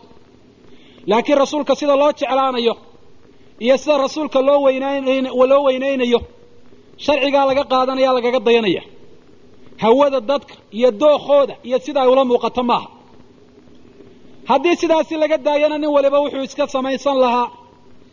Afcaal uu leeyahay rasuulka jacaylkiisaan ku muujinaya weynayntiisa waxaa kaloo aynu leenahay maxabada rasuulka iyo weynayntiisu. Maaha inay keensato in bidac lala yimaado uu rasuulku calayhi salaatu wasalaam ka digay. Ee waa inay u dhacdo wejiga mashruuca ah oo in rasuulka la rumeeyo calayhi salaatu wasalaam oo la adeeco oo hadyigiisii lagu daydo oo sunnadiisa la qabsado oo diintii dadka ugu yeedhay la nashriyo la fidiyo. Oo maxabadiisa iyo jacaylkiisa laga horraysiyo maxabada nafta iyo maalka iyo waladka iyo waalidka iyo dadka oo dhan. Sidaasi ayay noqonaysaa laakiin maxabad iyo tacdiimka rasuulka. In bidac lagu muujiyo maaha. Ilaahayna idinku dhaarsheeye maxaa rasuulka ay u qabanaysaa? In maalintaasi inta la qalo awr kurus weyn durbaano la soo qaato la xadreeyo ayu maxaba linabiyiba hadalka ayaa ku jirta waxaa weynaynteebaa ku jirta rasuulka la weyneynayo calayhi salaatu wasalaam. Ta labaad adiga iyo saxaabada keebaa rasuulka jeclaabaad u malaynaysa adiga iyo saxaabada keebaa rasuulka u weynayn badnaa adiga iyo saxaabada keebaa rasuulka u aqoon badnaa. Diintiisa u cilmi badnaa iyo sunnadiisa iyo hadyigiisa dee waxaan filayaa jawaabtu inay tahay saxaabada mar walba. Adiga iyo saxaabada keebaa khayrka ku dadaal badnaa oo u dheerayn jiray. Shakila-aan dee saxaabada. Haddii markaa rasuulka maxabadiisa iyo weynayntiisa ay ka mid tahay in maalintii uu dhashay mawliid la dhigo oo xus gooniyo la sameeyo iyo acmaal gooniyo maalmaha kale aan la samayn jirin talo maxay u samayn waayeen? Ma rasuulkaanay jeclayn saxaabadu? Ma rasuulka calayhi salaatu wasalaam ayaanay saxaabadu weynaynahayn? Xaasha wakalla lama odhan karo saxaabada rasuulka may jeclayn mana weynaynahayn. Laakiin saxaabadu sidii sharciga ahayd bay u weyneeyeen rasuulka. Oo in isaga un lagu daydo oo tallaabo waddadiisa aan laga bixin amaba si aan laga leexo adiguna si aan sharci ahayn baad doonaysaa inaad rasuulka u weynayso markaasaad hoos geynaysaa maxabad iyo tacdiimka si aad u qurxisid. Waxa kale oo ay yidhaahdeen ixtifaalka waxaan la yidhaahdaa ama xuskani. Acmaal badan oo khayra baa ku jirta bay yidhaahdeen. Oo qur'aan akhrintii baa la yimaadaa oo ilaahay baa la xusaa oo nebigaa lagu salliyaa oo siiradii rasuulka ee wanaagsanayd baa la akhriyaa oo masaakiinta ayaa la quudiya ee bal maxaad diidantihin ma in khayrka la ysugu yimaado miyaad diidantihin salliga nebigaad diidantihin ma qur'aanka la akhriyaad diidantihin ma in masaakiinta wax la siiyaad diidantihin waxaynu leenahay ma intaa midna ma diidaninoo intuba waa wanaagsantah laakiin waxaynu diidannahay maalin ka mida maalmaha sanadka. Oo aanu nebi maxamed sheegin in si gooniya loo xuso inaad si gooniya u xusto ayaynu diidannahay. Oo waxaynu leenahay maalintani maalmaha kalun bay la mid tahaye. Rasuulka ha khilaafina sidii uu ka yeelay un ka yeel. Intii uu sameeyey un samee. Oo in kale adigu ha ku darin waxaa la akhrinayaa wax fiicanna waa noqon karaa wax khaldanna waa noqon karaa sidaa awgeed baa ibnulxaaj wuxuu leeyihi haddii qola ay meel isugu baxaan oo idha anagu maalintaas saxiixulbukhaarigun baanu akhriyaynaa bukhaariga in la akhriyaa maalinta waa bidco. Oo talo maxay bidco ku noqotay? Waxay bidco ku noqotay. Niyatulmawlid baa dee la socota. Oo sababta bukhaariga loo akhriyaa waxay tahayba dhalashadii rasuulkaa lagu xusaya. Xuskaa markaa bidco ka dhigay akhrintii bukhaariga maalinta. Iyadoo bukhaariga akhrintiisu aanay side sideeda aanay u xumayn ay wanaagsan tahay. Acmaasha caynkana adilada ku soo aroortay ee guud bay deliishadaan. Oo adilada ka warramaysa in qur'aanka la akhriyo in ilaahay la xuso in nebiga lagu salliyo in rasuulka calayhi salaatu wasalaam siiradiisa la akhriyo in masaakiinta wax la siiyo adiladaasi ay deliishanaya dee adeer adiladaasi waxay deliil u tahay acmaashan in la sameeyee ma waxay deliil u tahay in laba iyo tobanka rabiicul awal xus la dhigo. Miyay deliil u tahay waa maya aslanbana aslanbana cibaadaadku kuma sugnaadaan adilada caamkaa markaad cibaado aad sugaysid iyo waxaad leedahay ilaahay baa loogu dhowaanaya. Laabudda waa inaad keento daliil gaaro iyada tusinaya. Marka adilada guud ee khayraadkan ka hadlaysaa daliil uma noqon karto xuskan. Ila laba shay bay kala yihiin. Waanay kala soocmi karaan. Waxaa dhacda in xuska la sameeyo iyadoo intaa midna aan la samayn waxaa kaloo dhacda intaa in la sameeyo iyadoo xus aanu jirin. Marka waa laba shay oo kala gooniya mid waliba daliil gooniya ayuu u baahan yahy adilada markaa caamka ee tusinaysa acmaashan inay mashruuc tahayna looma deliishan karo baynu nidhi. Oo taasi waxay noqonaysaa bidac alidaafiya. Bidaca waxa weeyaan shay asalkiisu uu mashruuc yahay. Oo si khaldan waxa weeyaan loo isticmaalo wakti gooniya loo sameeyo shareecadu aanay u samayn. Amaba se waxa weeyaan kayfiyad gooniya loo qabtay oo shareecadu aanay odhan ha loo qabto. Shaygaasi ayaa la dhaha bidca idaafiya saxaabada rasuulkuna waa ka digeen. Oo su'aal baan idin weydiiyey cabdillaahi ibnu mascuud muxuu ku haystay kuwii masaajidka fadhiyeen lahaa halliluu mia kabiruu mia sabixuu mia. Waxay wadeen mianaan tasbiix iyo takbiir iyo tahliil. Muxuu ku haystay. Dee wuxuu ku haystay waxay ku dareen inay isu soo urureen oo xalqada ay sameeyeen aan waktigii rasuulka la samayn jirin oon inuu dhex taagay oo u tirinayo siyaadada iyo dheeraadkaasi ayuu ku haystay. Sidaasoo kale waxaynu leenahay salliga nebiga laydinkuma haystee waa sax. Haddaad nebigan ku salliyaysaan oo aydaan baryahayn laakiin waxaa laydinku haystaa waxaan kale aad ku darteen iyo maalmahan aad u qoondayseen. Salliga nebiguna calayhi salaatu wasalaam wuxuu u qaybsamaa laba qaybood. Salli nebi calayhi salaatu wasalaam oo meelaha qaarkood si gooniya in loo xuso loo waajibiyo ama loo sunneeyey. Sida atixiyaadka dambe iyo waxa weeyaan aadaanka marka la dhammeeyo wa kadalika marka rasuulka calayhi salaatu wasalaam la maqlo marka la ducaysanayo si gooniya in rasuulka loogu salliyo ayaa loo sharciyey meelaha kale si gooniya aan loo sheegin maalinta jumcoo kale in la farabadiya si gooniya loo sharciyey maalmaha kale iyo wakhtiyada kale si gooniya aan loo sheegin dee innagu maalinna uma xadidi karno oo iskama odhan karno bisha intaa heblaayo maalinteeda intaasi ah in salliga nebiga la badiyaabaa si gaara u mashruuca ma odhan karno oo dee daliil bay u baahantay bal u fiirsa cabdillaahi ibnu cumar. Nin baa agtiisa ka hindhisay. Markaasaa ninkii agtiisa ka hindhisay waxa uu yidhi alxamdu lilah wsalaatu wasalaamu calaa rasuuli illah ilaahay baa mahad leh nebigana uu ku saliyey. Cabdillaahi ibnu cumar radia allahu canhu wuxuu yidhi wa ana aqulu alxamdu lilah wasalaatu wasalaamu calaa rasuuli illah walaakin ma haakada callamanaa rasuulu llah dee hadalkanaad tidhi horta ma xuma sidiisa uma xuma oo aniguba alxamdu lilah wasalaatu wasalaamu calaa rasuuli illah waan odhanaya oo ma diidani laakiin dee sidan rasuulkuna muu barin. Oo rasuulku mu odhan markaad hindhistaan mahadinta ilaahay inaad nebiga ku sallidaanna raaciya. Ee ilaahay mahadiyuun buu yidhi alxamdu lilah dhah. Marka inta aad ku dartay salliga nebigu isagoo sidiisa u saxa inaad markaad hindhisto aad ictiqaado inaad nebiga aad ku sallidid inay sharci tahay dee taa lagaama ogola sidaasun baynu leenahay in nebiga lagu salliyo rasuulka ayna bari calayhi salaatu wasalaam. Laakiin laa rabiicul awal baa si gooniya loogu salliyaya. Dee rasuulku inamuu barinoo daliil bay u baahantay. Wa hada saciid ibnu lmusayib wuxuu arkay nin tukinaayo salaad yughiru fiiha min alrukuuci wasujuud rukuuc iyo sujuud fara badan bay leedahay. Markaasaa wuxuu ku yidhi yaa cabdallah war addoonka ilaahu salaaddaa iska dayaanay naarta ku geline markaasaa waxa uu yidhi ma salaad baa naarta ku gelaya markaasaa saciid ibnu musayib waa taabici wuxuu ku leeyahay waxaa naarta ku gelinaya mukhaalafatuka lisunati rasuuli illah inaad sunnadii rasuulka khilaaftayoo siduu u tukaday si aanayn aad u tukatay marka maanta haddii la yidhaahdo rabiicul awal in si gooniya loo xuso labiyo tobankeeda oo si gaara rasuulka loogu salliyaa diinta ka mid maaha waxaa lagu odhanaya salligii nebigu diiday. War salliga nebiga ma diidaniye xuskan gaara baan diidanahay salliga nebigaa naarku gelinaya kuma lihiye bidcadan iyo xuskan aad samaystay rasuulku aanu samayn ayaa naarta dadka geysa buu rasuulku yidhi baan ku leeyahay. Calayhi salaatu wasalaam waxyaabo fara badan baa jiro oo adilada guud la hoos geyn karo oo iyaguba ay nala qirayaan. Mar haddaanay si gaara rasuulka uga soo aroorinay inay bidco tahay oo bal su'aalaynu weydiinayna ayaha ka jawaabaan. Waxaynu leenahay aadaanka ka warrama aadaanka. Ereyadiisu soo ereyo wanaagsan maaha. Maxaa u dambeeya? Laa ilaaha illa allah soo maaha laa ilaaha illa allah markuu mu'adinku yidhaahdo hadduu muxamedan rasuulullah xagga dambe kaga daro ka war. Ma sunna mise waa bidco? Soo bidco odhan maysid? Maxaad bidca u tidhi? Ma laa ma muxamedun rasuulullahi baa bidcaah miyaanad ilaahay ka baqanahayn ma rasuulkaad la col tahay sheekhow?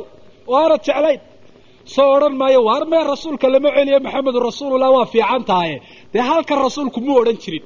Dee adeer intaasun baa lagu leeyahy salliga nebigu waa fiican yahay masaakiinta in wax lagu sadaqaysto waa fiican tahay laakiin dee rabiicul awal rasuulku si gaara uma samayn jirin. Ee intaa ka daa baa lagu leeyahy bal waxaad ka warantaa salaada duhur sunno raatibabaa ka horraysa soo maaha?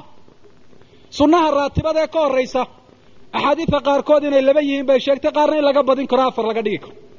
Bal haddaan shan tukado ka warran shan shan ragcadood salaad duhur ka horreeya. Oo marka laygu qabsado aan idhaahdo miyaanu rasuulku odhan calayhi salaatu wasalaam asalaatu khayru mawdic salaaddu meel la istaago oo meesha u fiicane badsada. Oonu rasuulku odhan calayhi salaatu wasalaam aqrabu maa yakunu alcabdu min rabbi huwa saajid faacinnii calaa nafsika bikahrati sujuud. Saxaabigi yihi waxaan jecelah inaan jannada kugula muraafaqoodo. Miyaanu odhan iigu kaalmay inaad sujuud badan la timi haddaad salaad badan tukato. Adeerg waan badinayaayo. Rasuulka afar baa ku fillayd ee aniga shan baan gaadhsiinaya haddaan idhahda ka war soo lama odhanaya mayo waa khalad. Inaad shan ka dhigto. Oo adeer ma salaadaa khalada qur'aanun baan akrinayaa oo rasuulkaan ku salliyaya. Oo subxaana rabbiya alcadiime subxaana rabbiya alaclaa baan le dee mee salaadu khalad maahae sidan rasuulku muu samayn dee adeer salliga nebigu khalad maahae rabiicul awal kumuu gaar yeeli waa ku hor bal meel uga dhaqaaq sheekhow. Waxaan salliga nebiga inaanu si jamaaciya u qaadno maxaad ku diideen bay yidhahdeen. Miyaanay jamaacadu khayr badnayn? Oo yadullaahi maca aljamaaca. Aanu rasuulku odhan alayh isalaatu wasalaam adeer su'aal baanu idin weydiinaynaa waxaad ka warrantaan salaadan cishaaye imika inagu soo fool leh haddii ilaahayna gaadhsiiyo atixiyaadka u dambeeya soo salliga nebigu kuma jiro rasuula kuma sallihi doono bal haddaynu kor u qaadnaynu isla eegana ka warrama oo aynu nidhaahno yadullaahi maca aljamaaca soo khalad noqon mayso ma salliga nebigaa khalada maya salliga nebigu khalad maahee dee halkaa marka la maraya rasuulu kor uma qaadi jirin dee rabiicul awal salli nebiyo si jamaaciya loo qaado oo codka kor loo qaado rasuulku ma samayn jirin weeyaan iyaduna taasaa hor taalla salaadaha sunnaha ee rawaatibta haddaynu jamaaco ku tukanno ka warrama odhano waar yaadhaheen war salaadii duhur baa loo eedaamaye intaynu midhiqlayn lahayna midba mar uu sujuudi lahaa.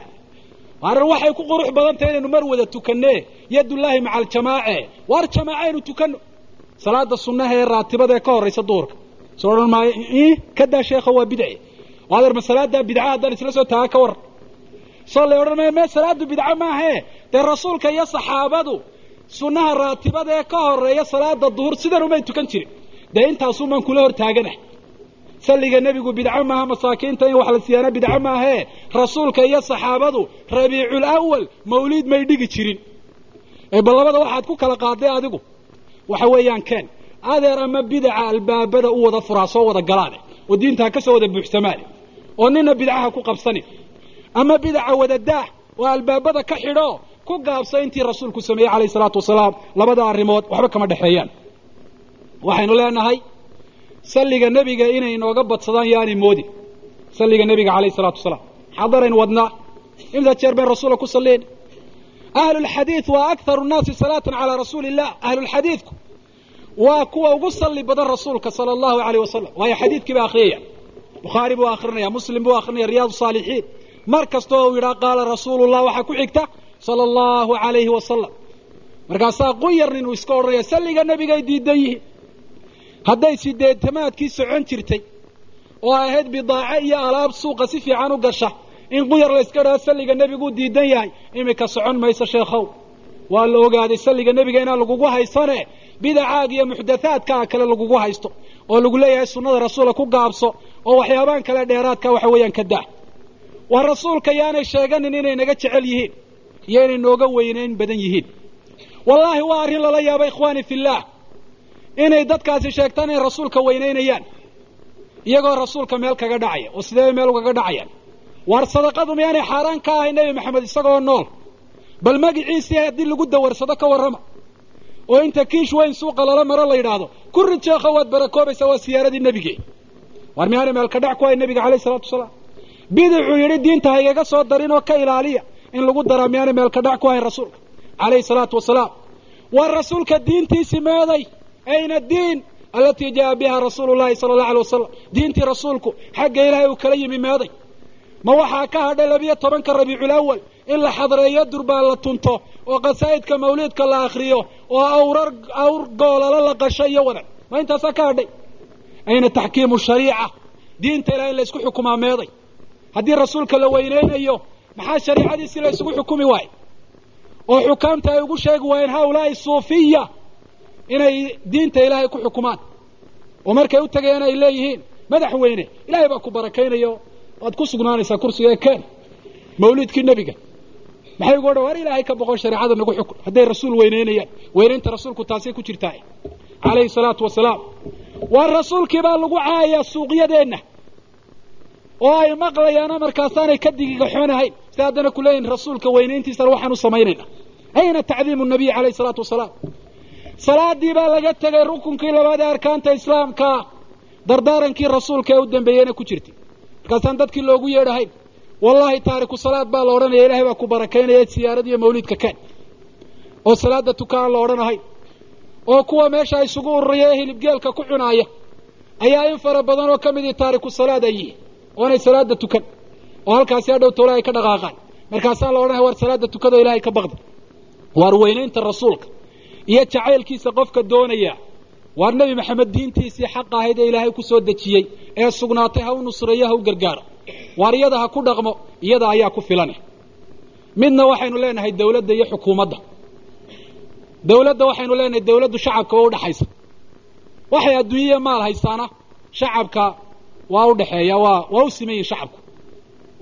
Sidaasi awgeed maadaama arrinku saa u yahay culimadu haddii masale ay isku khilaafaan mamase ay isku qabtaan. Dawladdu waxa weeyaan inay soo kala dhawaysato qaar dhinaca ay saarto oo af iyo addinba ay ku taageerto dee xaq uma laha. Waxay xaq u leedahay inay tidhahdo war bal culima isu kaalay oo masaladan ay isku haystaan ka dooda ballaanu idin eegna kiina xaqa ku taaganay laakiin ma xaq baa? In nina loo fasaxo idaacaddoo la idhaha takalam bimaa shid waxaad doonaysa ku hadal oo dhan nebi maxamed wuxuu ilaahay baa nuur nuurkii ilaahay weeyaa nebi maxamed. Oo qayb ilaahay ka mida weey caalamkana nebi maxamed baa laga sii abuuray. Waxaa idaacadda ka dawda. Adna waxa weya lagaagama ogola arrinta noocaasi inaad inaad meelahaasi aad kaga hadashid miyaan warbaahintu tii ummadda aan ahayna loo sinayn muxaadaradan oo kale inaan ka jeediyo annaha annaha lay ogolaado xaq baanu leeyahay. Hadda ka waxaa akriyaba waxa weeyaan loo ogol yahay midna waxaan leeyahay shacabka. Oo shacabka waxaan ugu yeedhanan ugu baaqaynaa waa mid qura. Ee bal middaasi inay sax tahay iyo inay khalad tahay ay ka fiirsadaan. Waar annagu waxaanu leenahay uun. Waa rasuulku intuu sameeyo in aynu samayno wixii uu ka tegay in aynu ka tagno. Ama haynala qurux badnaado ama haynala fool xumaadee rasuulku inaanu samaynna waa la isku waafaqsan yahay arrinta noocana ee sidaa rasuulku aanu u samayn uu isaga daayo haddaynu isaga dayno miyaynu khaldannahay? Rasuulka ma jecelin miyaa? Ma weynaynayna miyaa? Miyaynu dembaabnay waa bal arrinka noocaasida shacabow ka fiirso.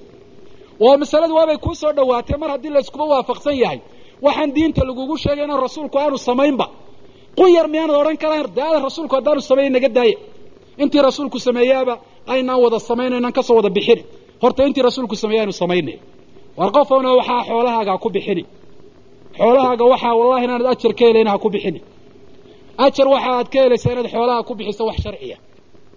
Oo aad rasuulka ugu nusrayso qaabka aad ugu nusraynaysana wuxuu noqonaya sunnada rasuulka ugu nusray. Ku daawac kutubta sunnada ka hadlaysa xoolahaaga.